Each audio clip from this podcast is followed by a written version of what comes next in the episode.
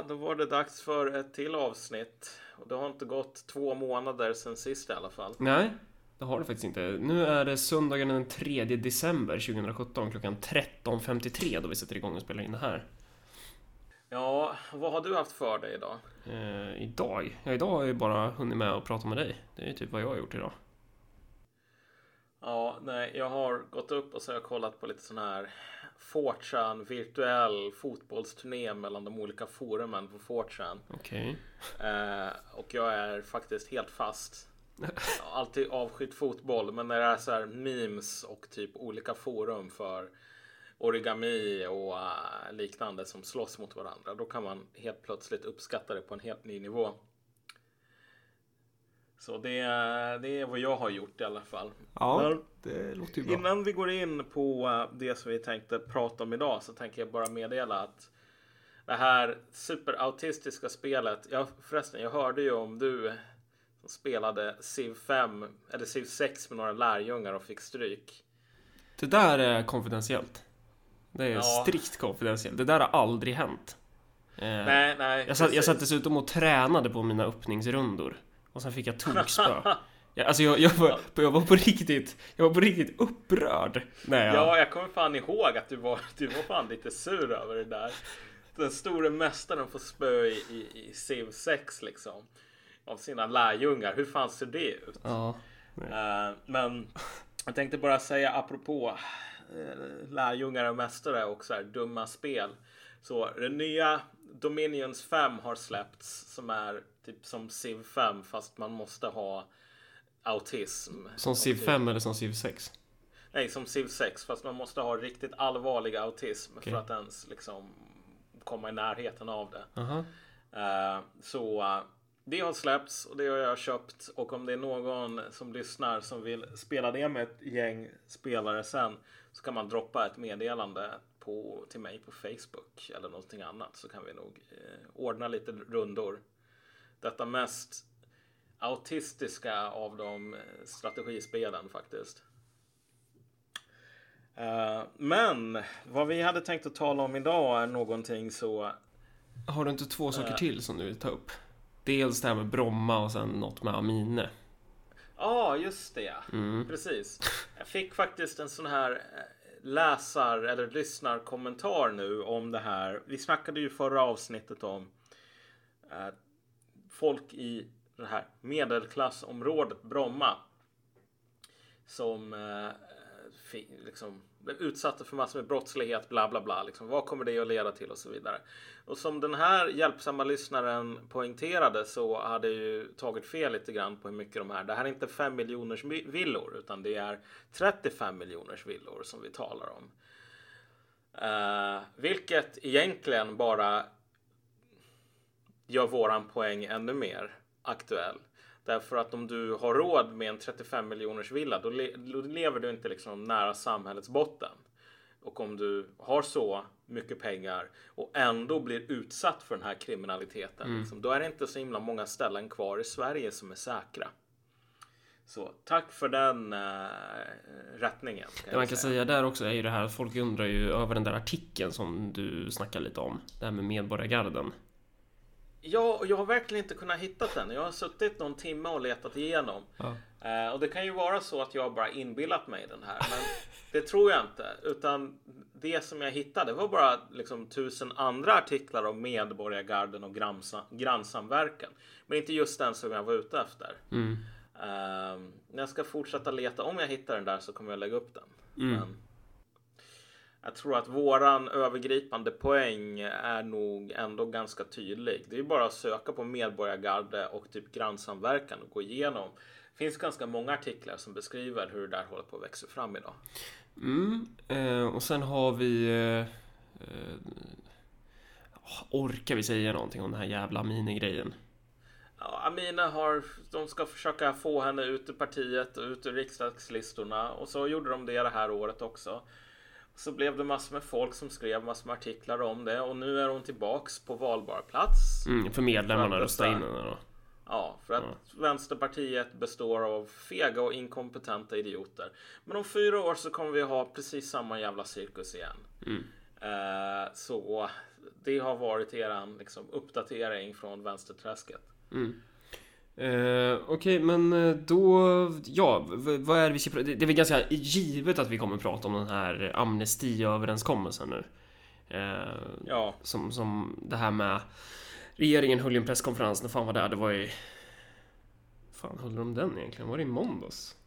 Eh, de körde sin presskonferens om att de ska låta eh, ensamkommande, som det heter, få, få stanna. De som uppgav sig vara under 18 eh, under 2015 då, men som har inte fått, ha be, fått något besked på huruvida de får stanna eller inte eftersom handläggningstiden har blivit så jävla fördröjd eftersom det har kommit så jävla många.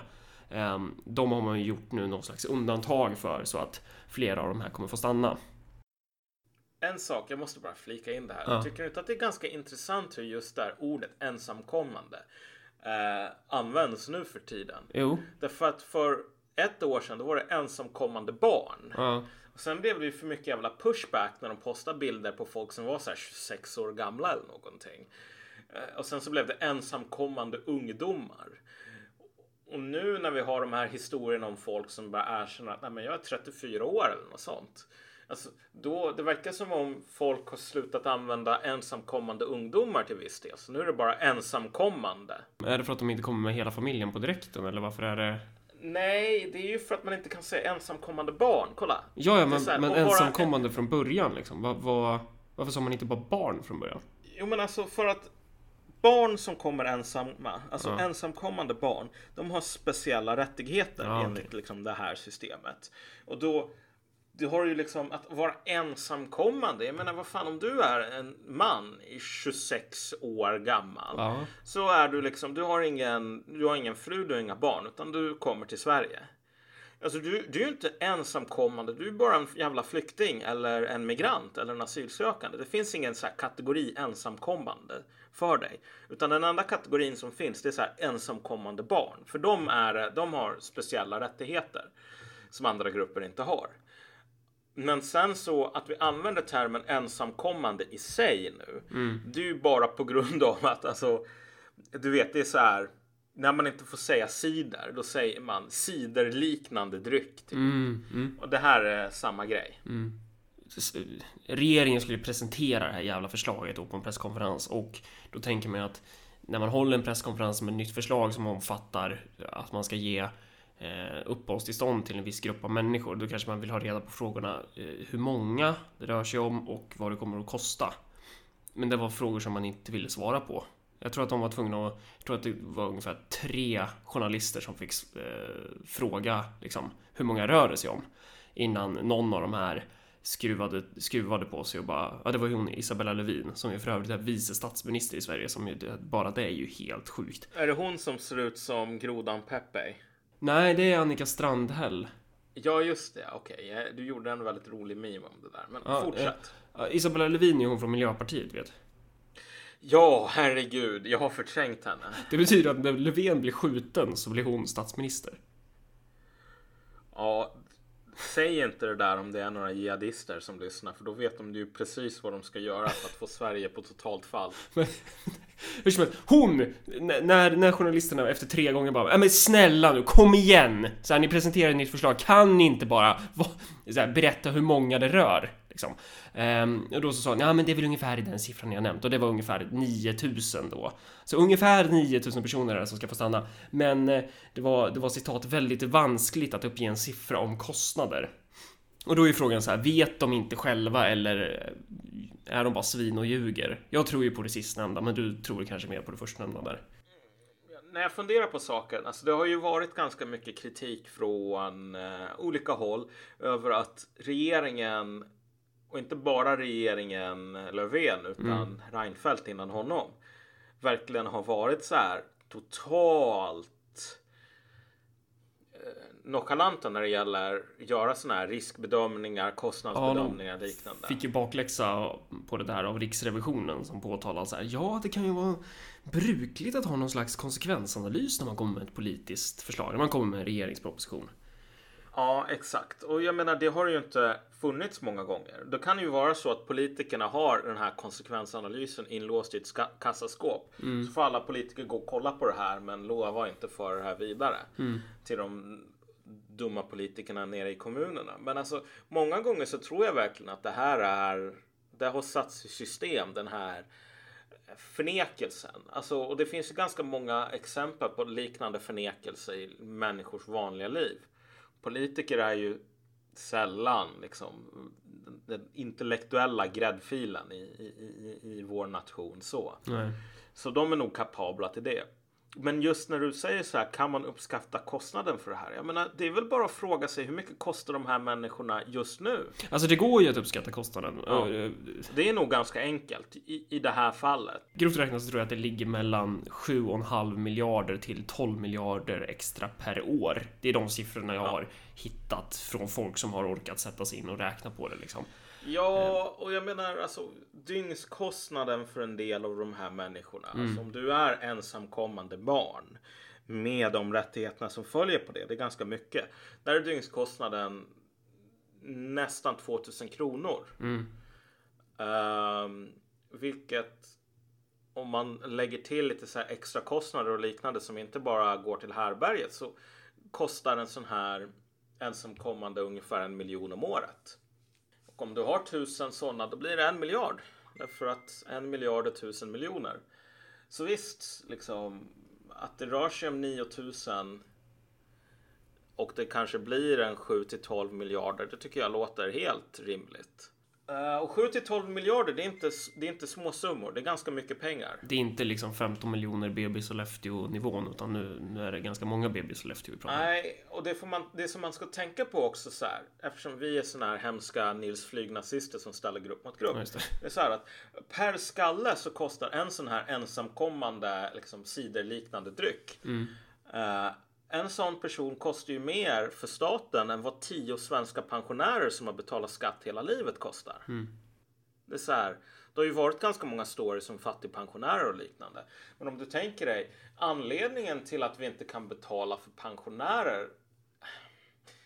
Alltså, det är ju inte som om de här pensionärerna är svindyra i drift per skalle jämfört med de här andra åtaganden. Tvärtom. Och i den här överenskommelsen, för den har ju fått väldigt mycket kritik att man så här i princip, ja, det är ju folk som säger att det är rättsosäkert och att man har liksom, vad finns det för kritik mot det här Malcolm?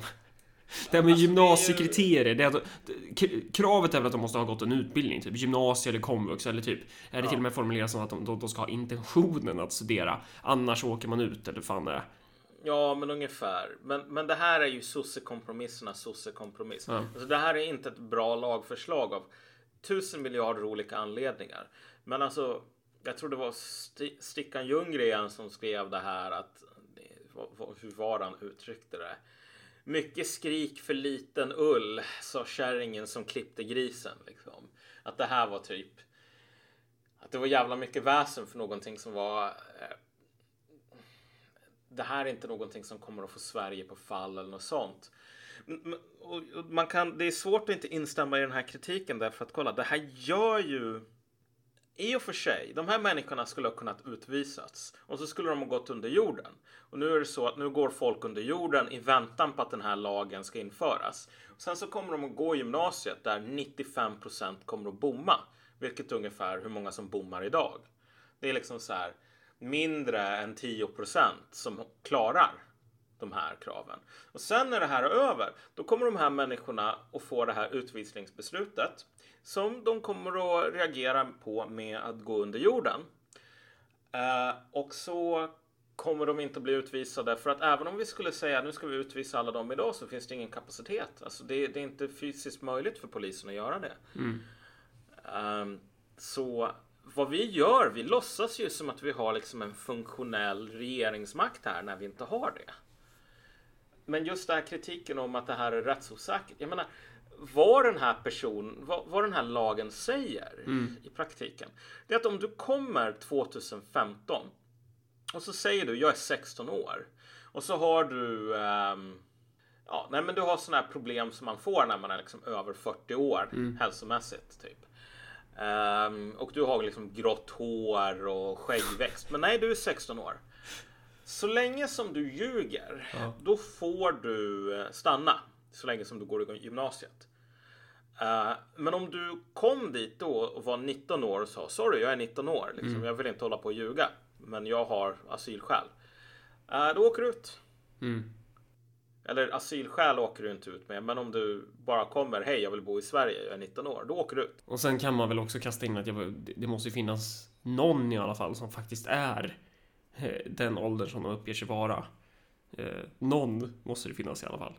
Ja, ja, men saken är ju den att kolla. Vad, vad, vad den här lagen markerar är ju att nu ska det vara en, en amnesti för folk utan massor med jävla ålderskontroller och liknande. Och folk som har fått sin ålder uppskrivna, det ska bort. Men det är bara det att det här gäller ju bara folk som har fått sin ålder uppskrivna. Det vill säga att folk som är, säger sig vara den åldern, de kommer inte att innefattas. Och många gånger när folk får sin ålder uppskriven så är det av jävligt goda anledningar. Det är för att de är äldre. Vet vi att de kommer ta bort det här med åldersuppskrivningar? Ingår det i det här förslaget? Nej, de kommer inte ta bort åldersuppskrivningar generellt, men Nej. vad, vad... Det är människor som studerar nu som kommer att få liksom en andra chans. Okej. Mm. Ehm, där man inte kommer att använda sig av de här. Eller det, så det blir hela den här jävla don't ask, don't tell grejen ungefär. Så länge som du ljuger, då är det okej. Men om du talar sanningen, då måste vi, då måste vi sätta dit dig. Så det är bra om du är 40 år och ljuger, fine, då får du stanna. Men om du är 19 år och talar sanning, då, då, då åker du ut. Det är ju fan inte ett sätt som man vill strukturera ett jävla rättssystem på. Uppmuntra folk att ljuga och säga liksom, jag hoppas du ljög. För din egen skull. Så kontentan är att man bränner ganska, alltså det kommer inte bli så mycket utbildade människor av den här gruppen då troligtvis. Om man ser till hur det ser ut just nu. För du var inne på det här med att de flesta bommar gymnasieutbildningen och så. Det finns ett enormt problem idag som är, man inte skriver på grund av att det råder den här gamla vanliga omertan. Alltså att du vet, det här kommer att stärka SD och främlingsfientliga krafter och eh, svensken kan inte hantera sanningen på grund av att svensken är vit och rasist. Typ. Men, men alltså det är så här. För att du, för hela den här uppgörelsen är ju, följer den här grundläggande strukturen som jag just höll på att ranta om. Att du ska föra den här lögnen vidare genom att låtsas om att du inte ser den. Eh, Men saken är den att vad händer när de här människorna som ska låtsas att de är 16 år åker ut i skolorna? Och så är de typ 26. Eller vad händer som någon skrev om ganska nyligen tror jag det var. När du har en 26-åring som ska träna MMA med 17-åringar. De här 17-åringarna får fett med stryk. Eh, och om du ska hålla på och upprätthålla den här lögnen. Nej, det finns inga från Afghanistan som ljuger. Då kommer de här 17-åringarna att få fett med stryk därför att det finns en anledning till att man inte låter 26-åringar och 17-åringar träna tillsammans. Liksom. Det är för att de som är mycket äldre och har mycket mer välutvecklade fysik kommer att ge de yngre som fortfarande växer stryk. Brukar man träna separat i MMA? I karate kör man ju både vuxna och typ tonåringar. Jag är inte insatt, Nej. men alltså, det jag fick när jag läste den här artikeln så fick Ja. jag ju intrycket av att man inte hade det här. Nej, nej. Eh, men, Men hur som helst, då bränner man jävla massa pengar på personer som troligtvis, som troligtvis kommer bomma gymnasiet då. Så det blir inte så Ja. mycket utdelning för samhället då om man ska vara så pass cynisk och ha någon slags samhälleligt helhetsperspektiv som inte handlar om att vara... Eh, för jag menar... Det, alltså, ja. de som är 26 år går gymnasiet med 17-åringar, de kommer inte ha så jävla mycket utbyte. Utan de kommer att göra det som såna här galningar som Katarina Janouch och liksom liknande mörkerpersoner har skrivit om. mm, som du och jag. Ja men precis. Ja. nej men jag menar och Katarina Janouch hon gör ju ett arbete här som egentligen riktiga journalister inom citationstecken borde göra. Ja. Men det är ju därför som hon har sin plattform mycket för att hon gör det som liksom alla andra vägrar att göra. Eh, men hon skrev ju... Hon Om någon nu intervjuade ju- misstolkar, för folk brukar ju alltid misstolka när du pratar om Janos som om du typ inte gillar henne. Men vi har, alltså, jag, jag personligen vill ha det sagt, jag har ju absolut inget emot henne. Nej, alltså jag, jag tycker hon är... Jag har inte någonting emot henne heller. Och jag tycker hon tvärtom är ganska fascinerande. För hon är ju en viss typ av sån här anti-PK-rättshaverist som verkar dyka upp i såna här tider. Ehm, så jag har ganska mycket respekt för henne, det måste jag ändå säga. Och jag menar, det är väldigt svårt att inte ha det när hon... Varför är det egentligen så att det är hon som är den enda personen som typ gör någon sån här intervju med någon 16-årig snubbe på en av de här riktiga problemskolorna. Som bara får förklara alltså, hur det är då att ha de här 26-åringarna i klassen. Så visar det sig att många av de här 26-åringarna de försöker dra med sig liksom tjejer in på toaletten och håller på att typ sälja knark och liknande. Det är inte så jävla kul för elever att ha eh, risken som liksom överhängande att du ska få stryk av en vuxen människa. Bara för att upprätthålla den här lögnen. Liksom. Det, det, det är inte bara det att, de här, att den här lögnen kostar pengar, att det inte är någon planering. Det är så här, den här lögnen skadar människor. Vi har inte gymnasier som är designade för att hantera 26-åringar och vi har inte lärare som är utbildade för det heller. Nej. Därför så borde man hålla den här, försöka ha någon jävla sortering så att det är personer i rätt ålder på rätt plats. Och det säger jag eftersom jag är fascist. Ja, då har vi avhandlat själva... Det har vi ju knappt gjort. Vi har pratat lite om att man har lagt ett regeringsförslag här då. Eh, och det här har ju inte... Det har ju inte röstats igenom i riksdagen än. De måste ju få en ma- majoritet för det här. För att det ska implementeras först. Eh, Ja, men... men... skrev inte Gudmundsson någonting om att det här egentligen var ett genidrag? Per Gudmundsson i svenskan. Jo, precis. För att om, om man går in på det rent partipolitiska spelet så Miljöpartiet hotade ju tydligen med en regeringskris. Alltså de var villiga, alltså det där jävla partiet. De var villiga att orsaka en regeringskris eh, förutsatt att de inte skulle få igenom det här då. Eh, och då, då så har ju sossarna två val. Antingen så kan de säga fuck off, gå dö. Eh, eller så säger de oj då, förlåt. Eh, och de valde ju att säga oj då, förlåt. Eh, för att de, de har ju faktiskt backat här i den här överenskommelsen. Eh, och då har man ju det här Eh, Jag kan ju inte läsa den där jävla Gudmundsson-artikeln för jag, jag, eh, jag har inte betalat för att ha premium på Svenska Dagbladet typ. Men du har lyckats läsa den artikeln eller? Ja, precis. Han, vad, det- det vad är han driver för tes? För han menar ju på att det här var ett genidrag av Löfven typ. Ja, alltså att i, i slutändan och jag tycker det här är väl det som mina höges, en del högerspöken som jag har som vänner håller på och tjatar om. Det är att sossarna spelar alltid för att vinna. Det är så här, sossarna är maktspelare. Medan högern, den svenska högern är kanske världens mest värdelösa höger som finns. Därför att vad det här kommer att leda till, det är ju bara en jättestor intern splittring. Där högern, inom citationstecken, alliansen, ska liksom få någonting till stånd. Då är det bara att det finns två problem. Det ena heter SD, det andra heter Annie Lööf. För att om man säger nej, vi ska vara emot det här, då kommer SD att säga vi var emot det här allra först och allra mest. Vi är de som är mest emot det här. Och då blir det jättedålig stämning, för man kan ju inte vara emot någonting som SD är emot. Men sen Annie Lööf, hon har ju liksom, tycker ju att det här är bra. Centerpartiet kommer antagligen rösta för det här. Och så kommer vi ha en jättefin situation där man ska försöka liksom predika för någon sorts borgerlig enhet som inte finns. När Moderaterna motsätter sig det här. Medans Annie Lööf eh, och Centern röstar för det här. Men alltså Alliansen kommer nog inte att överleva det här valet. Den kommer nog att dö nu. Ja, precis, för att det, det är ju ett regeringsalternativ att sossarna vänder sig till Miljöpartiet, Liberalerna och Centerpartiet. Förutsatt att Ja. de tre sistnämnda där finns. Ja, den stora grejen Någon av de tre Allian- partierna, om, om de finns kvar i riksdagen där. då. Miljöpartiet, Liberalerna och Centerpartiet, det vill säga. Ja, jag tror Gudmundsson har väl rätt i att liksom just att det här är någonting som slår, kanske till och med slår mer mot alliansen än vad det gör mot sossarna ironiskt nog. Nu slår det ganska hårt mot sossarna. Jag tror att det är ganska många socialdemokrater som är riktigt rejält missnöjda med det här. Men, men grejen, min, min upplevelse av alliansen, det är så här att alltså, alla vet att den inte existerar längre egentligen. Och det finns massor med paranoida misstankar om att både Löv och Björklund Alltså de, är, de letar efter en ursäkt att dumpa Moderaterna och bara hoppa i säng med sossarna. Mm. Eh, Men, men grejen är att ingen kan överge alliansen innan valet. Därför om man överger alliansen innan valet då kommer folk alltid, man kommer alltid ha den här femte kolonnen kvar i partiet som säger om vi inte hade gjort det här, då skulle allting ha blivit bra. Tror du på det där? Men, jag tror att det ligger ganska mycket i det. Jag tror Okej. att det finns, det är så här.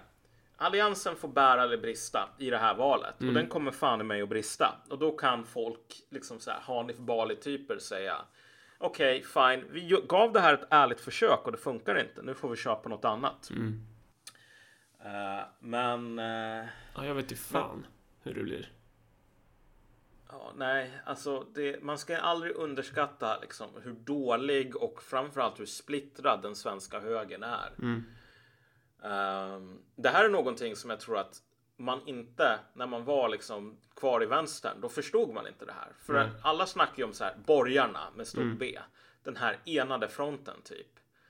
Eh, och man är totalt ointresserad av någon sorts djupare analys av vilka motsättningar som finns och så vidare. Varför gör borgarna det de gör? Så fort man kommer ut ifrån den här jävla idiotiska sekten och talar med folk på andra sidan så ser man ju att de här människorna, de är ju hopplösa. My God. Alltså herregud.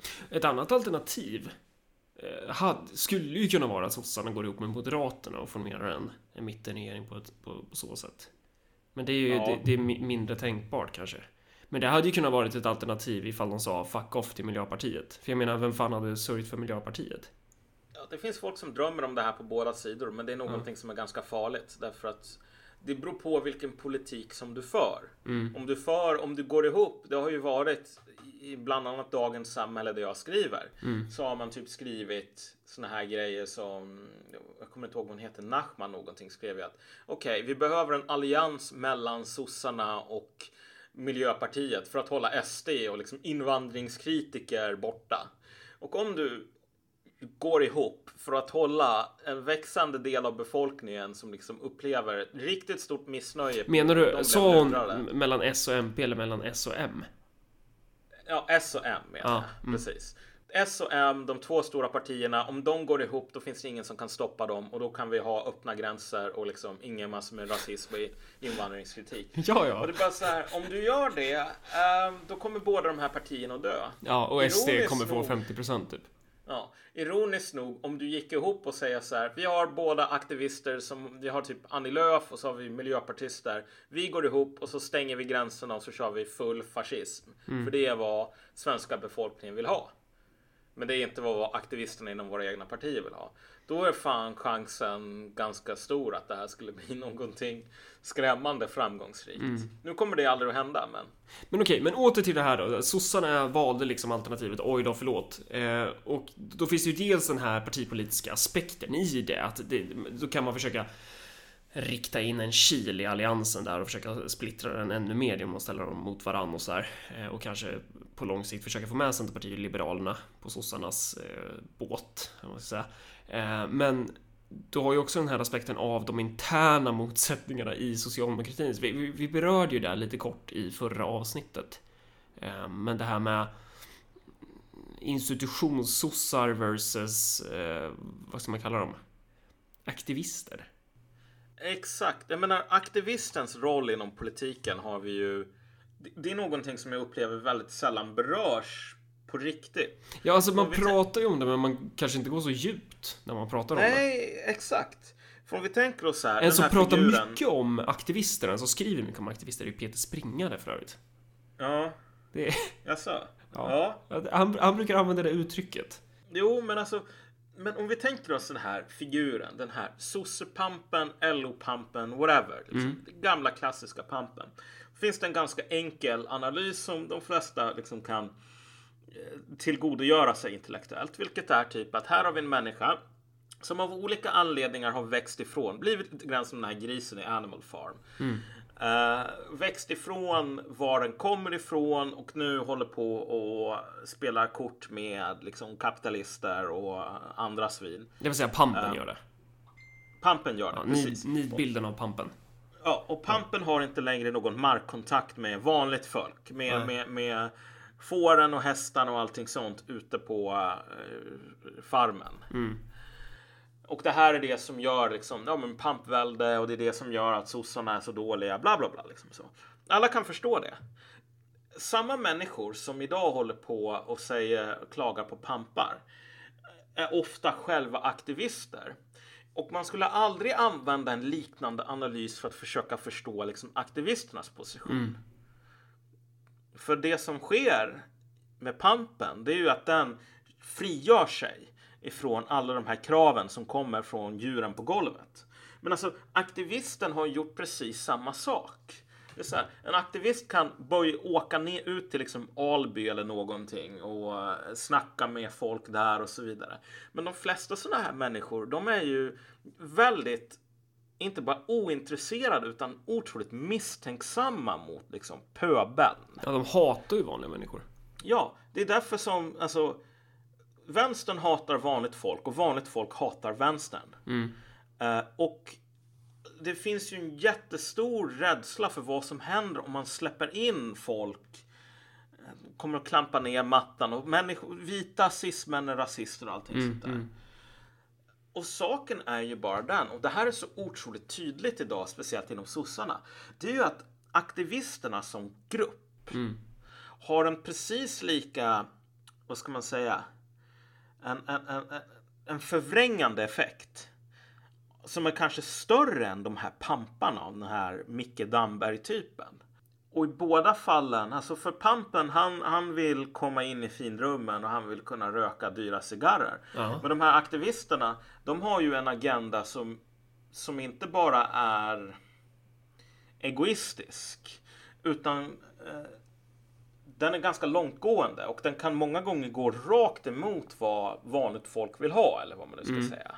Ja, det, för om man tittar på sossarna, de har ju Traditionellt sett kom ju de flesta stora partier ur någon slags klassrörelse för jävla massa år sedan. Så sossarna, det var ju ett arbetarparti för, eh, ja, när, när ska vi säga, hundra år sedan och några decennier bak kanske. Och i viss mån kanske de fortfarande är det, fast i en väldigt, väldigt mycket lägre grad. De har ju fortfarande via LO en, en koppling till, till vanligt folk, så de kan fortfarande försöka mobilisera på ett eller annat sätt. Men det är ju inte alls så som det var förr. Men de har ändå den kopplingen. Men, men om man jämför dem med Miljöpartiet så är det det här, vad ska man säga, postmoderna partiet, det som inte har en, en, en direkt relation till sin klassbas. Så. Sen är det ju... De har ingen klassbas. De har aldrig sett det som viktigt. Ja, de har ju typ en klassbas bestående av mellanskikt kanske om man ska hitta någon klassbas. Men, men det är ju inte byggt på, det- efter den konstruktionen. Ja, okej, du menar så. Jo, men det har ju, det måste man ju ha. Ja. Om man har någon som röstar på en så Ja, precis. brukar det ju Eh. finnas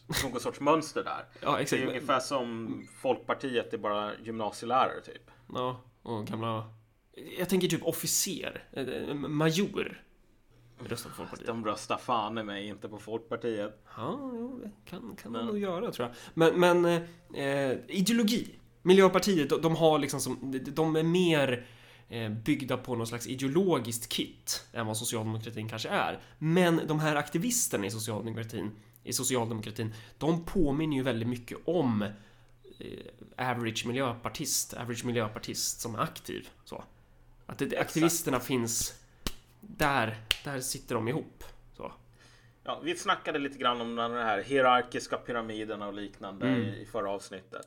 Och den som kommer in i politik idag vill ju ofta inte ha någonting med det att göra, utan då är det bara att man ska ha ideologi och det är det som är det viktiga. Mm. Men jag tänker så här, nej, alltså det, det, det är lätt att ge sossarna för lite credit. För det har ju varit, i- i stället som vi kommer ifrån en gång politiskt, så har det ju varit den här konstanta tjatet om att sossarna har glömt sin klassbas, sossarna har glömt sin klassbas, sossarna, du vet, de har förrådit, de sköt Rosa Luxemburg och bla bla bla. Ja. Men, men grejen är, när jag tänker på det svenska fallet här. Som du tänker dig det, det, det, ligger, det har alltid legat någonting jävligt hycklande i den här kritiken.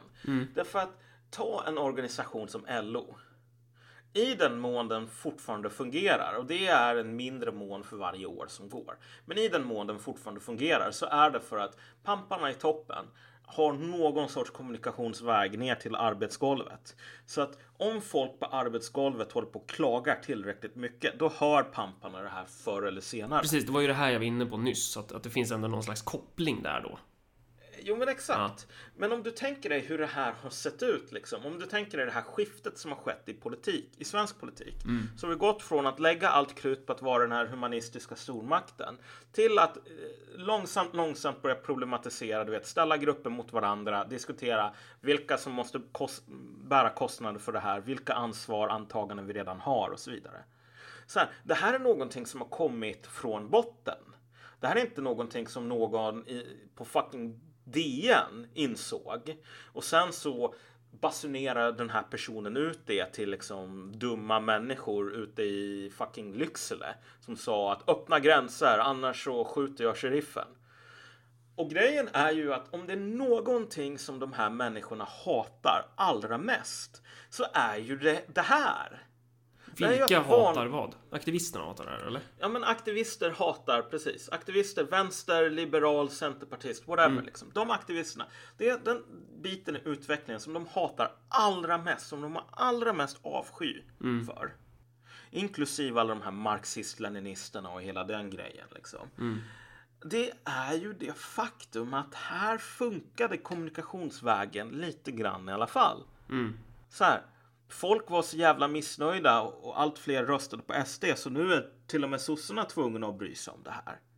Ja, så, så dit jag ville komma här var väl bara att visst, sossarnas jävla liksom, kontakt till folket är ju inte vad den en gång var. Men det är den här blindtarmen av kontakt till folket som är det som liksom de här revolutionärerna och vänsterpartisterna och alla de här människorna hatar allra mest. Mm. Det är ju inte avsaknaden på kontakt utan det är ju den lilla blindtarmen som finns som kvar, kvar, som ja. de avskyr. Ja. Och, Trots att de håller på och snackar om arbetarrörelsen hit och dit liksom. Och det här med Alltså aktivister finns ju, det, finns ju på fler ställen än bara politiken eller bara i sossarna, Miljöpartiet, Centerpartiet eller vad det nu kan vara. Utan det, det, det, här är väl en allmän tendens i samhället kanske. Du har dem i media, du har dem i eh, fan finns det mer? Skolan. Jag tänker på det där så kallade lärarfacken. Alltså där, de personerna som går in där, det är väl i princip aktivister. Det är ju inte personer som drivs av att ja, men nu ska vi förbättra lärarnas situation och se till så att professionen får ökad makt och så fan snorungen som käftar. Ja, men Ge den en örfil så den sätter sig ner. Nu vet inte jag om det är det man ska göra, men så om det var det man skulle göra, då kanske de skulle driva den frågan. Jag vet inte. Hur som helst, poängen är att de, de de driver ju inte så här fackliga frågor för lärare typ, utan de driver ju mer frågor som normkritik. Eh, alltså frågor som ger dem själva möjlighet att, att, att på något narcissistiskt sätt glänsa inom, inom den här miljön. Eh, ja, så är det ju. Du har ju det här med lesbiska präster i Svenska kyrkan också. Alltså så här. Svenska kyrkan överhuvudtaget är väl intressant när man pratar om aktivister. Ja, exakt. Jag menar, Svenska kyrkan är ju kanske den mest liksom, som har genomsyrats av människor som kommer in och som säkert har massor med jättefina föresatser och så vidare. Mm. Men det här är människor som är i någon mån aktivister. Eh, och som ska liksom förändra den här institutionen på grund av att de har en ideologi som säger att den här institutionen ska förändras. Grejen är ju att det här håller ju på att ta död på Svenska kyrkan. Det enda som gör att Svenska kyrkan fortfarande lever idag det är ju på grund av att eh, man har alla de här fina kyrkorna som man har liksom ärvt. Sen så har man alla de här medlemmarna som man har ärvt. Men, men, men, Svenska kyrkans problem är ju inte så här att det inte finns några kristna i Sverige längre. Ja, de finns ju. Utan, de finns ju, men om du är kristen idag så kan du inte hålla på att vara med i Svenska kyrkan. Jag kan ta eh, liksom konkret exempel här. Så här, våran nuvarande ärkebiskop Antje Jackelén har ju sagt att Muhammed är en lika god väg till Kristus som, eller till, till Gud som Kristus. Eh, när hon säger så så gör hon ju det liksom. Alla kan ju känna igen retoriken. Alla kan känna igen the spirit of the times. Mm. Liksom. Mm. Som Hegel som säger att han ser Napoleon rida förbi. Så ser han världsanden liksom. Mm. Alla vet ju vilken världsande det är som eh, eh, Jackelén talar för. Grejen är bara att utifrån den lutherska läran så det, det Antje Jackelén just har gjort sig skyldig till det är kätteri. Alltså hon har gått emot en väldigt grundläggande föresats inom den lutherska tron. Mm. Och saken är den att det här är lite grann det som du får av de här aktivisterna. De är väldigt dåliga på att bygga grejer. Det är av skäl vi kommer att komma in på lite senare kanske. Mm. Men vad de kan göra det är, de kan, det är liksom så här trottar, fast trottar som är framgångsrika. Att de infiltrerar för folk som inte Ja. är skadade och vet ens vad trottar är. Så. Alltså, ja precis. Trottar är så här. Inom vänster så finns det liksom trotskister som är en sorts cargo cult på liksom Trotskys s- Ja. syn och tankar. Eh, och de är jävligt, det, det är så här. Trotsky förtjänar inte trotskister för att han var inte helt dum i huvudet. Eh, men trotskister, hela deras modus operandi, det är lite grann som så här gökar. Gökar av olika anledningar, de, de vill inte ta hand om gökungar. Så de lägger alltid sina ägg i andras bon. Eh, och trottar kan inte av olika anledningar bygga upp egna organisationer. De försöker och det lyckas aldrig. Så vad de gör är att de försöker ta över organisationer som redan funkar. Mm. Infiltrera. En trism, helt enkelt. Problemet är bara att de få gångerna som trottarna lyckas med det här så är de här organisationerna som funkar, de slutar att fungera. Sekunden som trottar tar över så slutar de att fungera och så dör de. Och så måste trottarna hitta en ny organisation. Och Det är som en, en samma sak. parasit som bara rör sig vidare. Ja, och det om du tänker dig så här. När man nu med den här jättefina liberala progressiva ideologin har lyckats helt kolonisera den svenska kyrkan. eh, Det enda som händer då det är ju att den svenska kyrkan slutar fungera. Därför att den svenska kyrkan en gång i tiden var ju trossamfund. Och för att du ska vara ett trossamfund så krävs det liksom att du tar tron på något sorts allvar. Det är inte omöjligt att påven skulle kunna säga samma sak som Antje Jackelén sa någon gång. Liksom att så här, ja men vet du vad, du kan faktiskt komma till Gud genom typ Mohammed. Du behöver inte acceptera Kristus. Men om han hade gjort det så skulle han ändå ha gjort det antagligen efter något sånt här långt jävla sån här, en sån här synod kyrkomöte där det verkligen skulle vara seriöst och stöts och blöts och så skulle det vara någon snubbe med en jättelustig hatt och någon stav som har gått i arv i 2000 år. Som dunkar den här staven i golvet och säger nu har Gud sagt så här. Och då går det att tro på det. Liksom, för att det här är människor som på något plan ändå respekterar alltså att liksom, en kyrka, det måste gå att tro på det det- för att det ska funka. Sen Men är inte, bara... jag vill också ha det sagt. Jag har, ju, jag har ingenting emot om, om präster är lesbiska. Det skiter jag fullständigt i. Nu är jag i och för sig en så här gudlös kommunist. Så jag kanske inte har, har något säg här. Men poängen är väl snarare att, eh, att kyrkans funktion som trossamfund håller på att lösas upp. Och I det är viss inte mån. på grund av att man har lesbiska präster egentligen, utan det är ju snarare så här. Om den påven skulle få in liksom så här, homosexuella präster eller någonting, då skulle det vara på samma sätt. Men det som Svenska kyrkan har gjort är ju typ så här, ja men vet du vad, det, det, normkritik, det är det som gäller nu. Och om du sätter så här normkritik, säger att det är det som gäller. Vi lever i ett samhälle där det här språket är viktigt. Och så säger du, nu ska vi skriva om Fader vår. Den här bönen. Alltså, då går det ju inte att tro längre. Därför att det är så här, på, på något plan. Är det verkligen så att Guds kön, för nu har det ju varit någon stor grej om att man ska liksom, man ska inte kalla Gud för en han. Ja. Trots att du vet det heter Fadern, Sonen och den helige Anden. Ja men Gud man- kanske, kanske bara, du vet, det kanske är en kvinna fast Ja, vill Gud bli titulerad som hen. fader. Ja, Ja. vet, vi vet ju inte det. Nej, men, men grejen är så här. Att om man hade sagt nu ska vi säga att Gud är en hen. Ja. På grund av att typ Antje Jackeléns polare med så här skägg ner till golvet har levt i en grotta i 30 år, bara studerat Bibeln och det här är den korrekta tolkningen. Då tror jag att det finns kristna som skulle ku- kunna ta det här på allvar. Men nu säger man ju mer eller mindre att vi ska ändra, Gud måste ändra på kön på grund av att liksom så här, vår samtids ehm, mode eller liksom estetik säger att det här är inte inkluderande. Så därför får Gud maka på sig. i, i kampen mot liksom modet på eh, akademiska institutioner idag. Alltså, då är det ju fan inte ens en gud du har att göra med. Om den personen kan maka på sig över liksom en jävla färd, en språklig färd. Å andra sidan så har ju religioner alltid fått anpassa sig ef- efter den rådande hegemonin så. Exakt. Eh, men, men det finns någonting extra här menar du då? Ja, för att när Ja. den där anpassningen sker så sker det av människor som är investerade i den här institutionen.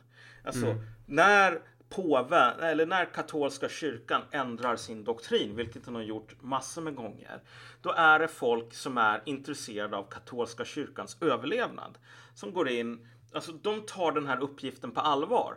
De skulle aldrig säga nu ska vi ändra på det här på grund av att liksom det här är det språkliga mordet Gud får maka på sig.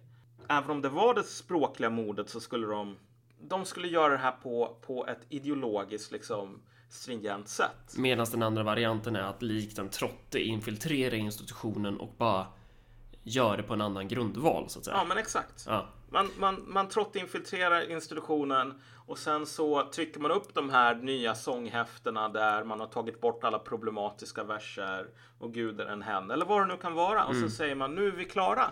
En, pop, eh, en, populär förklaringsmodell till så aktivisters infiltration är ju Det här hör man ju ofta alt-right personer snacka om.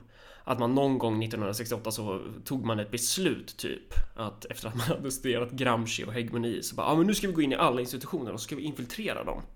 Eh, Och det där Jag tror inte riktigt på att det är så det har gått till det kanske, det kanske snarare handlar om någon slags övergripande ideologi eh, som liksom inrymmer infiltrationen som ett verktyg snarare än att det skulle finnas en konspiratorisk plan och strategi bakom det här. Så att det liksom ligger inbäddat i ideologin. Och som tredje steg där skulle jag vilja tillägga att den ideologin tror jag är dominant i de klassskikt eh, i samhället där människor liksom gör resan in i institutionerna, det vill säga mellanskiktet. Att man i Ja, mellanskiktet så finns den här ideologin där det finns ett agg mot, mot normen eller strukturen i sig. Det är strukturen det är fel på. Eh, och strukturens förlängning till exempel är ju då kyrkan som institution. Så att det är Mm. liksom, det är någonting i själva, ska man säga, får du hjälpa mig med språket här Malcolm? Så att folk Ja. förstår vad jag menar. Jo men precis. Ja, men jag tror vi, vi går lite händelserna i förväg. Men, men, men det är så här. Ja. För den här entristiska ideologin, det är ju den som vi måste ringa in här. Mm. Alltså vad är det som gör folk till de här? För- jag tror inte ens att det här är människor som ser sig själva som infiltratörer. Nej, absolut inte. Som världsförbättrare. Ja, exakt. Och det gör man ju för att man tycker att strukturen eller normen är ond i sig. Exakt. Alltså till exempel skolan, ja men de här aktivisterna i lärarfacken, de kanske tycker att men skolan präglas ju av en patriarkal norm. Därför måste vi nu Eh, nu ska vi förbjuda ordet han och hon i skolan. Riktigt så långt kanske inte har gått än, jag vet inte. Men, men det är som ett exempel på hur de kanske tänker då, eller, eller kyrkan, att, att eh, ja, men det är ju en patriarkal norm att Gud är han. Ja men exakt. Så att alltså när du har den här ideologin så ser du Mm. det, dina handlingar som alltså ett, ett litet du är den här myran som drar det här lilla strået som gör till en stor fin stack typ. Mm. Du hjälper till. Gör världen ett bättre ställe. Men alltså en gång i tiden när jag var fast i den här sekten som kallas vänstern, då såg man ju på sossarna som det här patologiskt ointressanta partiet. Så här. Socialdemokratin, innehållsförteckning, typ förrådde arbetarklassen 1914, sköt Rosa Luxemburg. End of story liksom. Finns ingenting mer att säga. Eh, Men med tiden så har jag ändå fått en mycket större uppskattning för sossarna. Alltså att det är ett intressant parti. Det är intressant att följa dem och deras utveckling. Därför att, och det här är lite grann därför vi håller på och raljerar också om, om, om entrism och kyrkan. I ett avsnitt som började i det här med eh, eh, den här amnestin. Därför att om man, har, man måste ha koll på vilken gigantisk intern konflikt som det finns i socialdemokratin. Ett inbördeskrig där mellan två olika falanger. Där åtminstone den här aktivistfalangen har en maximalistisk position. Liksom. Det är så här allt eller inget för dem. Um, om man förstår den konflikten, då förstår man någonting mycket djupare i liksom våran samtid och liksom i den här grundläggande ideologiska eh, skär, skärningspunkten i liksom väst överlag skulle jag nog säga idag. För du har väl kollat lite grann på han Jordan B. Peterson? Ja, det har jag gjort. Eh, jag vill bara få det här sagt med maximalistisk. Eh, som, mm. du, som du tog upp nu. Alltså, det är ju... Det sätter ju verkligen fingret på hur de tänker. Mm. Eh, att, att de är ju... Aktivister är miljonära. De har mm. maximalistiska mål, det vill säga det, det är mål som i princip inte går att uppnå. Alltså, vad ska man säga, motsvarigheten är ju minimalism. Att ja. det är liksom konkreta mål som går att uppnå. Så. Ja, alltså det är inte... Problemet är väl kanske inte ens att de här målen... Jo, målen går inte att uppnå, men det är lite Nej. mer komplicerat än så. De här maximalistiska positionerna som man har mm. är ju så att vad man vill ha är en värld utan vardag som vi var inne i ja, det här precis. avsnittet om millenarism. Och de, därför blir ju då, alltså för att om, om till exempel det finns en patriarkal norm i kyrkan, mm. eller en patriarkal struktur, då blir ju kyrkan som institution patriarkal. Ja. Alltså det är ju förlängningen, men, så då måste du ju göra om allting i grunden. Ja, men det är också en binär position som man har, därför att om man förhandlar, förhandlingar hör vardagen till. Alltså allting annat än den totala segern blir det totala nederlaget på något plan. Exakt. Uh, alltså, och, det, det, det, är liksom rent formellt mm. så kan det bara finnas total seger eller totalt nederlag. För även en bättre vardag är en vardag. Mm. Men alltså anledningen till att jag nämnde han Jordan B. Peterson, det är ju att han ofta håller på att diskutera om det här liksom myter och liksom strukturen i det, så här, berättelser och liknande. Mm. Och jag menar, nu är ju jag så liksom eh, nazistisk så jag tänkte faktiskt försöka mig på att ta just det här med myter och epos och liksom sådana mm. saker för att försöka förklara vad jag tror är den stora skillnaden idag. Skillnaden som går inom den svenska kyrkan, men sossarna framför allt, mellan de här aktivisterna och de här gammelsossarna. Eh, och som kommer nog att synas mycket mer framöver. Eh, men, men det är så här. Många gamla myter har den här grundläggande strukturen att du har en ung man till exempel som gör uppror mot auktoritet. Den här auktoriteten det kan vara liksom farsan eller kungen eller vad det nu är. Liksom. Finns en auktoritet där ute som håller på att bestämma massor med saker och han säger faktiskt ingen bestämmer över mig. Och sådana historier finns det hur många som helst av.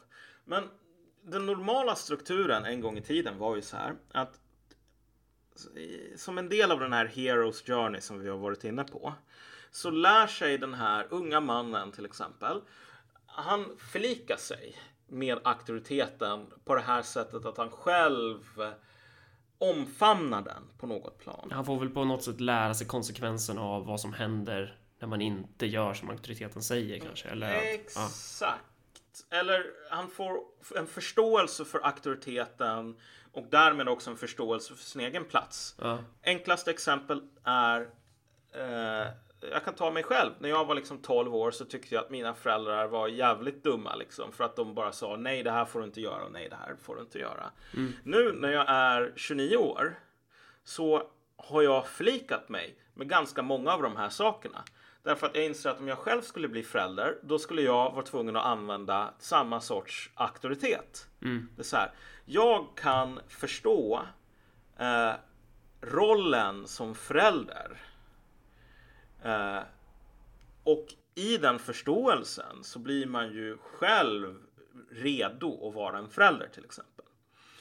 Eh, och samma sätt när det gäller liksom att vara en kung eller någonting annat. Liksom. Att det är så här, I de här historierna så är ju det här upproret, det leder ofta till att man inser skillnaden. Ja, men om du tänker dig kattungar som leker. De lär sig skillnaden mellan liksom, fysisk kontakt och smärta. Liksom. Därför att du har någon som försöker ha ihjäl dig. Och sen så har du fysisk kontakt liksom, en lek mellan ungar är ju någonting annat. Det är ju liksom fysisk beröring men det är inte... Eh, liksom, man lär sig att skilja situationer som är på lek med situationer som är allvarligt farliga. Och en annan del i de här myterna är att man ska lära sig att skilja liksom mellan den här fadern som är en tyrann, modern som är en tyrann, orättvis. Och det som ser ut som orättvisa för att man är en jävla tolvåring som vill käka godis varje dag. Eh, men som faktiskt är rättvisa, det som är en nödvändig del för att liksom eh, mänsk civilisation ska kunna gå i arv från generation till generation. Och det här var en lång utläggning, men poängen är så här att i våran kultur idag har det där nästan helt försvunnit. Alltså den här sista fasen i de här historierna, när en person förlikar sig, när Frodo slutar att vara Frodo och nästan blir som Bilbo liksom, har sett precis samma saker och nu liksom blir ungefär samma sorts person. Det har försvunnit. Vad vi har idag är det här ändlösa upproret därför att vi kan inte acceptera auktoritet som sådan. Alltså, hela den här idén om att det ska finnas en rättvis kung eller en rättvis förälder eller en rättvis liksom, magister eller något sånt är i sig suspekt. Så att det som folk identifierar sig med, det är den här 16-åringen. Um, ehm, du vet Clockwork Orange? Mm. Den, jag har faktiskt aldrig sett den, men ja. Det är ju en bok från början. Ja. Och du vet, en av skillnaderna mellan böckerna, boken och filmen som författaren var jävligt missnöjd med. Det var att i han Alex, huvudkaraktären, i boken så slutar den med att han, okej, okay, det här var jag när jag var 16. Jag höll på att vara en jävla ligist. Nu har jag fan barn. Jag måste ta ansvar för de här barnen. Um, eller han kanske inte skaffar barn, men han är på väg att göra det. Han har blivit en jävla, liksom, en, en normal, liksom, insocialiserad vuxen person i slutet på Clockwork Orange. Och så säger han att okej, okay, så här höll man på. Man höll på att slåss och supa och allting sånt. Ta massor med knarkmjölk. Men i varje alltså, människa. De alltså knarkmjölk? Ja, för de dricker sån här mjölk med knark i den okay. här filmen i alla fall. Men, men i Alex, han huvudpersonen, säger bara att liksom, mina vänner, i varje, liksom, i uppväxten, i att bli en fungerande person är att lämna det här livet bakom sig. Och det är vad jag har insett nu. Filmen slutar med att den här hjärnkontrollen tas bort. Och Alex, huvudpersonen, säger I'm back. Och så är det bara liksom våld och sex typ. Mm -hmm. Och uh, författaren tyckte att det där var piss liksom att man för att kunna sälja den här filmen i Amerika så måste man ta bort det här. För att det som han var intresserad av, det var ju den här klassiska historien. Och grejen är att det här har ju bara blivit värre. Att du, det går inte att sälja liksom och bli en jävla familjefar eller liksom bli en, en sossepamp som typ tar ansvar för sin kommun eller något mm. sånt. Utan du måste vara den här rebellen. Man ska fortsätta vara en jävla snorunge, man ska fortsätta vara en rebell, man ska aldrig växa upp. Ja, för att auktoritet i sig i vårt samhälle idag är mm. av ondo. Mm. Och det är det som man slåss mot. Och det är därför som om du tänker i den här konflikten mellan... Eh, ja, men i akademin? Mellan, ja, men den finns i akademin också. Men om du tänker i det här, just det som vi diskuterar om, den här amnestin. Ja. Liksom, den maximalistiska positionen här, egentligen, från Miljöpartiet och från sådana människor. Det är ju typ, även om man inte längre håller på och snackar om öppna gränser och liknande. Men det här snacket om öppna gränser kommer ju ifrån den här grundsynen där gränser och budgetar och liknande. Det är ju, det är ju liksom någonting som fjättrar människor egentligen. Det är så här att någon gång så kom någon ond patriark, någon ur patriarkatet kom på att vi borde ha gränser därför att gränser de stänger in folk. Och det är bra med instängda människor därför att då ökar vi lidandet i världen. Och om man bara kunde ta bort det här med gränser och medborgarskap och skyldigheter och ditten och datten. Liksom, då skulle människan vara befriad. Um... Ja, men för att eh, ett exempel på det där kan ju vara personer som gör en karriär inom akademin eh, och som börjar som någon form av skrikiga rebeller på A-kursen men inte slutar vara det utan någonstans fortsätter man vara den där jobbiga idioten eh, ända in tills man blir professor. Eh, och det är därför man håller på och, och, och liksom istället för forskning så sysslar man med typ sån här jävla normkritik eller vad det nu kan vara. Eh, att, att ja. man liksom gör den resan så att man eh, kan inte det vara ett sånt exempel inom akademin typ? Att man man slutar inte vara rebell. Man gör liksom på positionen som professor så, så försöker man göra uppror mot institutionen som sådan. Ja men exakt. Och, och, jag menar att göra uppror och vara normkritisk. Det har ju ja. blivit sättet som man konformerar idag. Det mm. krävs ju inget jävla mod att gå in på Uppsala universitet och hålla på med normkritik. Det som krävs mod för att du kommer att bli utmobbad det är att säga att jag tycker att det här är ganska dumt. Alltså, liksom, jag tycker det här att vara rebell är ganska dumt. Och liknande finns då det här antipaternalistiska, det här man är rädd för att bestraffas till att göra rätt, eller vad ska man säga? Att man är Ja men man vill äta godis varje dag. Den mentaliteten, det här millinära, det här aktivistiska tänkandet. Ja. Den finns ju även i politiken då. Exakt. Och, att, och, där, och då blir ju det politiska uppdraget att, att försöka förstöra attackera de här strukturerna. Man kan ju krydda dem med de här fascistiska strukturerna som på något sätt eventuellt förbinder politiker att förhålla sig till den lilla, lilla kontakten av klass, folk eller pöbel som man faktiskt har idag. Så att, så att i, i sossarna då så blir ju det då, då skulle det här eh, som du beskriver, den här motsättningen mellan pampen och aktivisten. Då skulle aktivisten mena på att pampens eh, existens beror på de här patriarkala fascistiska strukturerna typ. Ja, är du med mig i mitt resonemang här? Ja, precis. Och jag menar, det är just det som är viktigt att sätta fingret på idag. Alltså att den här maximalistiska positionen som de här aktivisterna slåss för är en som menar att i mer eller mindre alla stru strukturer av hierarki och mm. auktoritet är på grund av att de är hierarkier, på grund av att det finns auktoritet, så är de a priori av ondo. Uh, du, och du känner väl till det här? Um... Och det betyder ju då att då kommer man vilja avskaffa ja, allt, allt som fungerar överhuvudtaget i princip. Ja, ungefär. Men alltså det här är ju inte, du vet, Rousseau till exempel menade ju att mäns, ja. människans ursprungliga natur, innan det kom mm. in liksom massor med utifrån, innan man åt av kunskapens frukt, allting det där. Det är ju människor, alltså folk som lever i en sorts Ja, de är vilda. Alltså Peter Pan. Ja, men alltså, nej, men det är Peter Pan. Det är liksom okay, folk ja. som lever i det här. Um, the state of blissful nature. Alltså att det här är folk som är oändliga i sin kärlek, lugn, liksom allting sådant. Eh, det, det, är liksom naturtillståndet för en människa. Och sen kommer liksom civilisation och strukturer och patriarkat och liksom bla bla bla. Och gör människan till liksom våldsam och um, liknande typ. Mm. En grej där som man kan säga att våra närmsta släktingar schimpanser. De, de har inte massor med skattekontor och, och klädkoder och liknande. Men alltså schimpanser älskar att typ mörda, våldta och tortera andra schimpanser. Mm.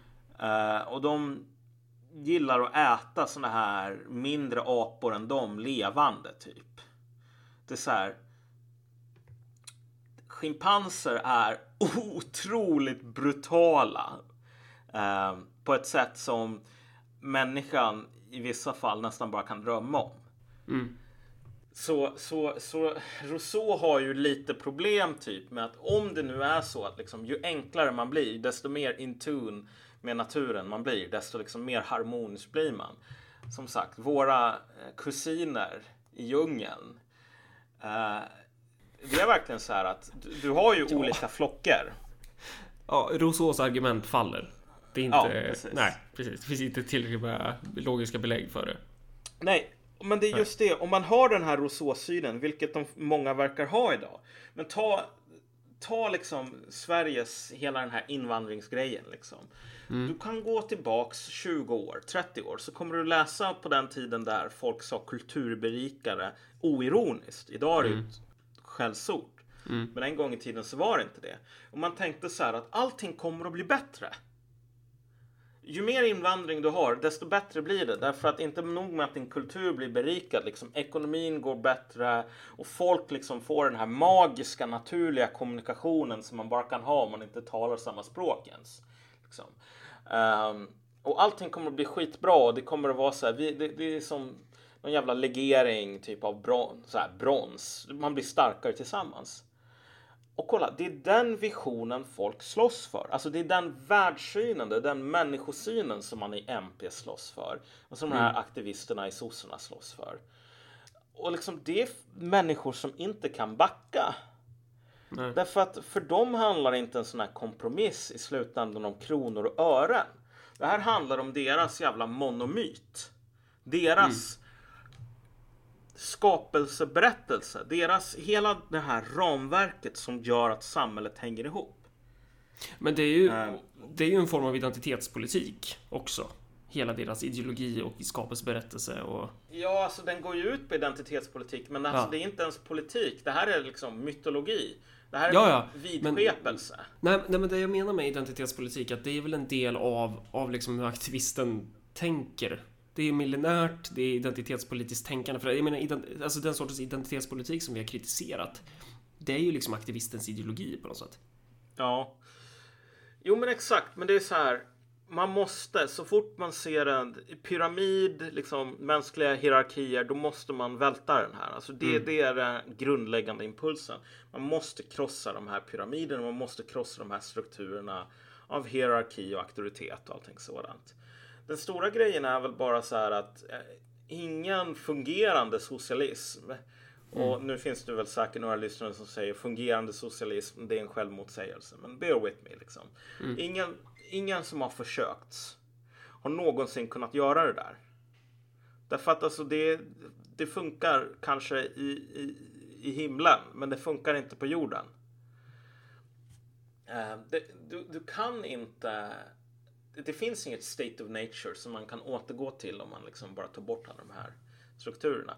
Men, men, men det här är ju inte ett, det här är inte ett argument som har så mycket med hjärnan att göra, utan det har att göra med liksom ryggmärgen nästan. Alltså, och det är det som gör att man också slåss så jävla hårt med för det. För att alltså, det sitter så djupt inne. Men jag tänkte jag kunde ta en grej som Innan du, du gör det så bara, ja. du, du har ju målat upp den här motsättningen mellan fuckpump aktivist. Ja. Och det är väl snarare, alltså det är väl snarare en motsättning för att du sa så här, det finns en fraktionsstrid här. Och när man säger sådana saker då kommer folk tolka en väldigt bokstavligt.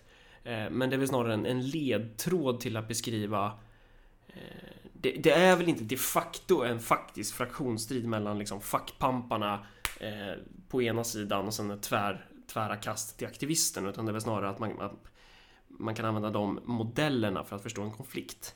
Ja, alltså nej, fackpampar vet jag inte. Det är mm. väl en, en, en, minoritet inom sossarna. Så. det kan väl också sägas att så här, en, en, även en person som kanske gör den här LO-karriären kan ju också ha det här aktivistiska tänkandet Ja, definitivt. Sig. Definitivt. Och det blir fler och fler för varje ja. år också. Men saken är den att alltså, de här aktivisterna och det som vi kan kalla de här gråsossarna. Mm. Um, den konflikten den är väldigt fascinerande faktiskt. Mm. Därför att min upplevelse, och jag kan ju ha fel, men jag upplever ändå att många av de här aktivisterna, de skulle hellre att se att sossarna var lika stora som Centerpartiet. Det vill säga att de studsar mellan 5 och 15 procent. Och det är ju där man kommer hamna om man låter de här personerna löpa linan ut. Exakt. Och jag menar, visst, man kommer att vara mycket mindre än idag och man kommer aldrig någonsin att kunna lita på... För du vet, sossarna, de har ju mm. dött politiskt i takt med att människor som har varit sossarnas lojala soldater har dött biologiskt. Mm. Det är verkligen så. Det har varit den här långsamma marschen ut i kyrkogården. Och det finns fortfarande massor med människor på äldreboenden som aldrig kommer att rösta på något annat än sossarna. Därför att liksom, sossarna, det var hela deras liv. Liksom, det var det, det, det, var luften man andades typ. Jo, det är bara, ja, knacka, dörr, det är bara knacka dörr så kommer man få se exakt det där. De har typ mm. förlorat kapaciteten att överhuvudtaget. Alltså, de kan inte göra någonting, de kan inte tänka klart, men de, de vet någonstans att man röstar på Socialdemokraterna oavsett ja. hur jävla långt gångna de är i åldern. Liksom. Ja, men exakt. Alltså de människorna finns fortfarande kvar. Uh, och jag tror att man tycker att de är ganska äckliga. En del inom sossarna tycker att det här är någonting onaturligt och mm. motbjudande liksom. För det här återgår ju till det här med hierarkier och liksom ak traditionell auktoritet. För att du ska ha en sån där panschis som är lojal till dig, inte för någonting du gjort, utan för det parti, den auktoritet du representerar. Alltså, om du har den här liksom allergiska reaktionen mot alla pyramidala liksom, hierarkiska strukturer, då tror jag att det här är nog ganska motbjudande. Mm. Alltså, du vill inte ha de här människorna som väljare nästan. Hellre då att vara så ideologiskt ren och vara det här partiet som, som pingpongar mellan 5 och 15 procent. Um, och som sagt, precis som du sa, låter man de här aktivisterna inom socialdemokrat, socialdemokratin löpa hela linan ut, då kommer de att ta Socialdemokraterna till ett sånt här modernt parti. Och det här moderna partiet kanske överlever en fyra eller åtta år innan det dör. Um, men det är ganska många andra liksom, socialdemokrati, socialdemokratiska partier som har kommit längre i sin modernisering och som också har dött.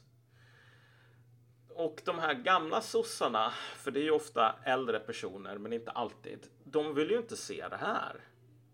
Så de skulle lätt vilja sitta i toppen av hierarkiska liksom, strukturer med legitim auktoritet och så skulle de vilja vara de som bestämmer.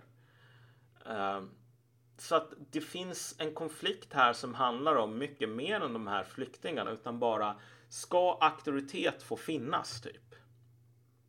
Men, och sen en till grej, alltså eh, för nu pratar vi väldigt mycket om aktivism inom sossarna. Och jag ja. vet inte själv alltså så här, hur många människor är det vi pratar om. Det kanske snarare för kanske snarare beskriver ett allmänt fenomen i politiken. Ja, det gör vi ju också. Men, men det, det är ju ett allmänt fenomen. Ja. Det här är ju ett kulturellt fenomen. Mm. Uh, det finns inte bara i Sverige och det finns inte bara i sossarna utan det finns lite överallt. Det finns på brittiska universitet. Ja, men det är uh, allt ifrån det här. Ska vi verkligen ha? Ska vi ha en organisationsstruktur? Kan inte alla vara ordförande? Uh, liksom, alltså. Hatet mot allt som fungerar. Nej, det går jag lite långt med. Då. Jag, jag, jag, kan ta ett bättre exempel här. Ja. För det, det, är en sak som jag hela tiden har återvänt till och funderat på. Liksom. All cops are bastards, eller? Ja, ACAB. Ja. Men, och det här är ju min erfarenhet på området är lite annorlunda än din. För de människorna som håller på och postar ACAB hela tiden, som jag är bekanta med, det är världens medelklassigaste personer. Personligen, min erfarenhet med snuten, det har varit att när jag firade typ studenten i... Uh, eller jag firar att jag gick ut Ja, det var fan studenten. Sorry. Studenten i Enköping så kommer det in eh, typ två poliser och säger man får inte dricka liksom folköl i stadsparken så häller de ut min folköl och så säger jag okej. Okay. Det, det, det, är så här.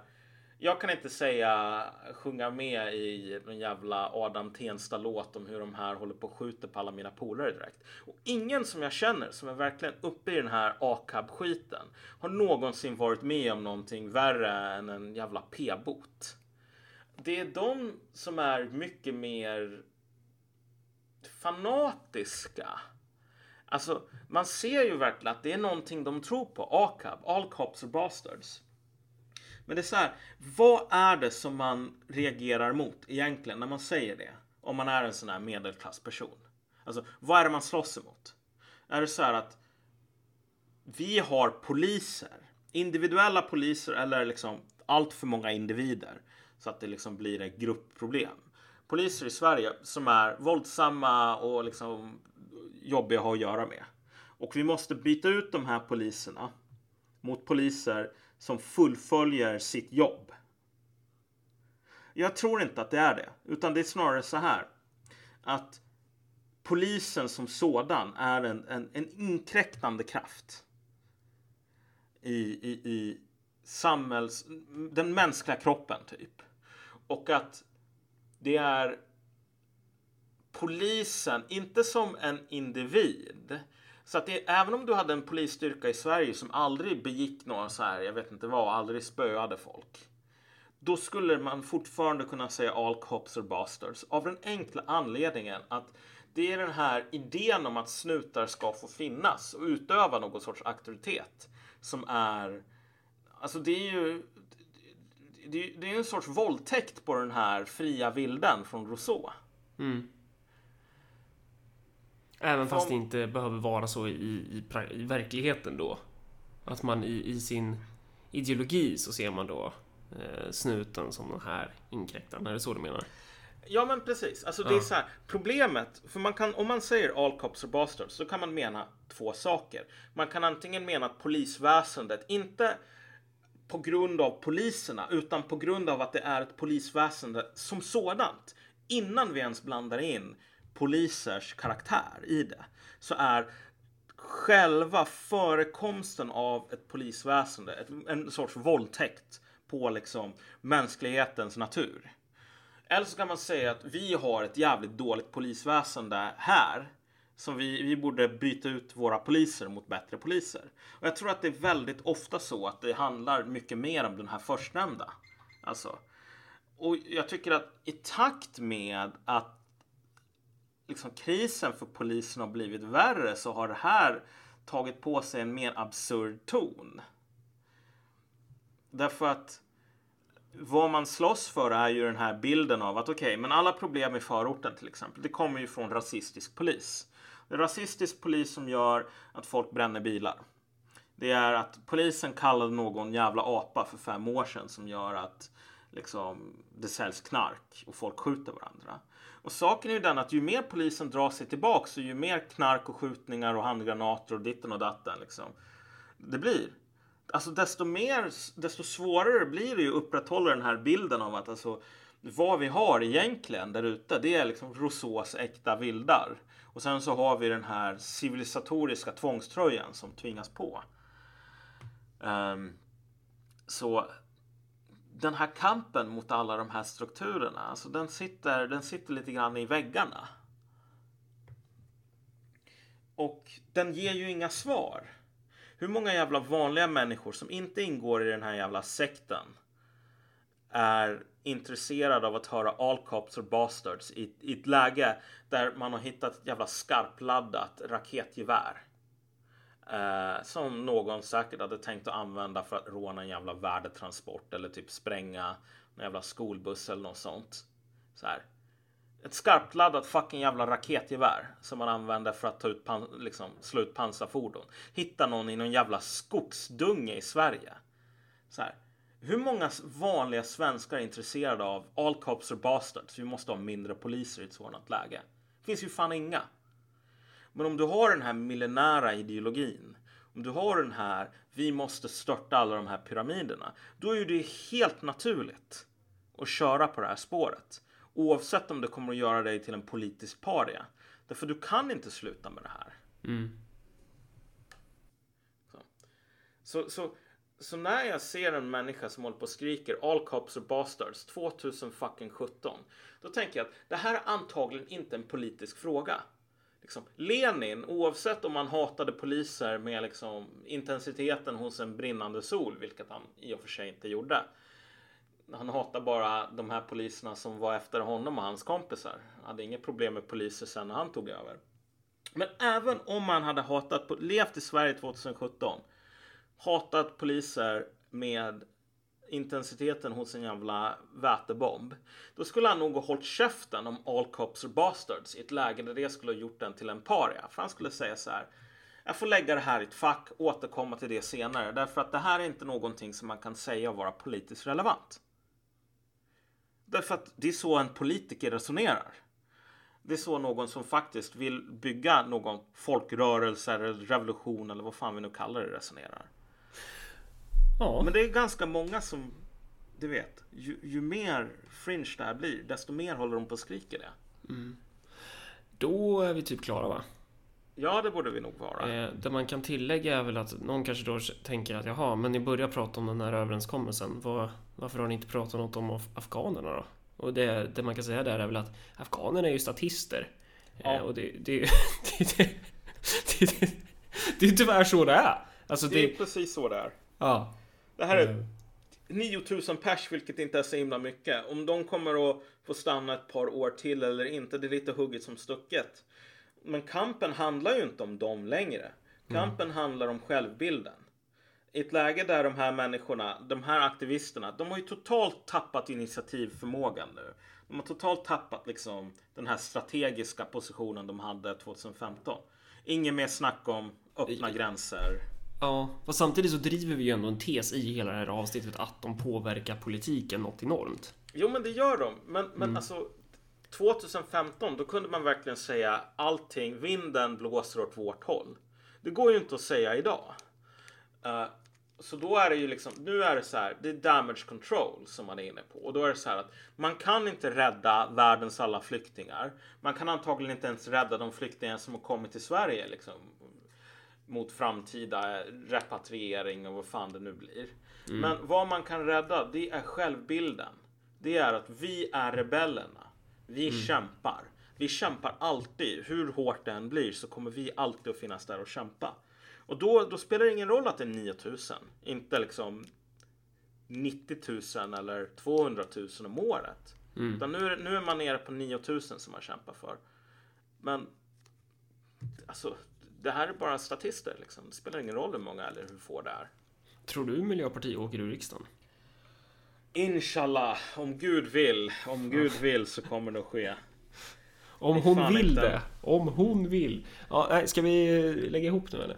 Ja, Eh, Om man gillar det här avsnittet så kan man ju Ja, man kan ju bli en Patreon Går man in på Patreon.com Och så skriver man in Marcus Malcolm och så signar man upp sig där och då kan man ge en gåva varje gång vi släpper nytt avsnitt Jättebra Ja. har, du, har du lyssnat på någon annan podd Malcolm? Det har du va?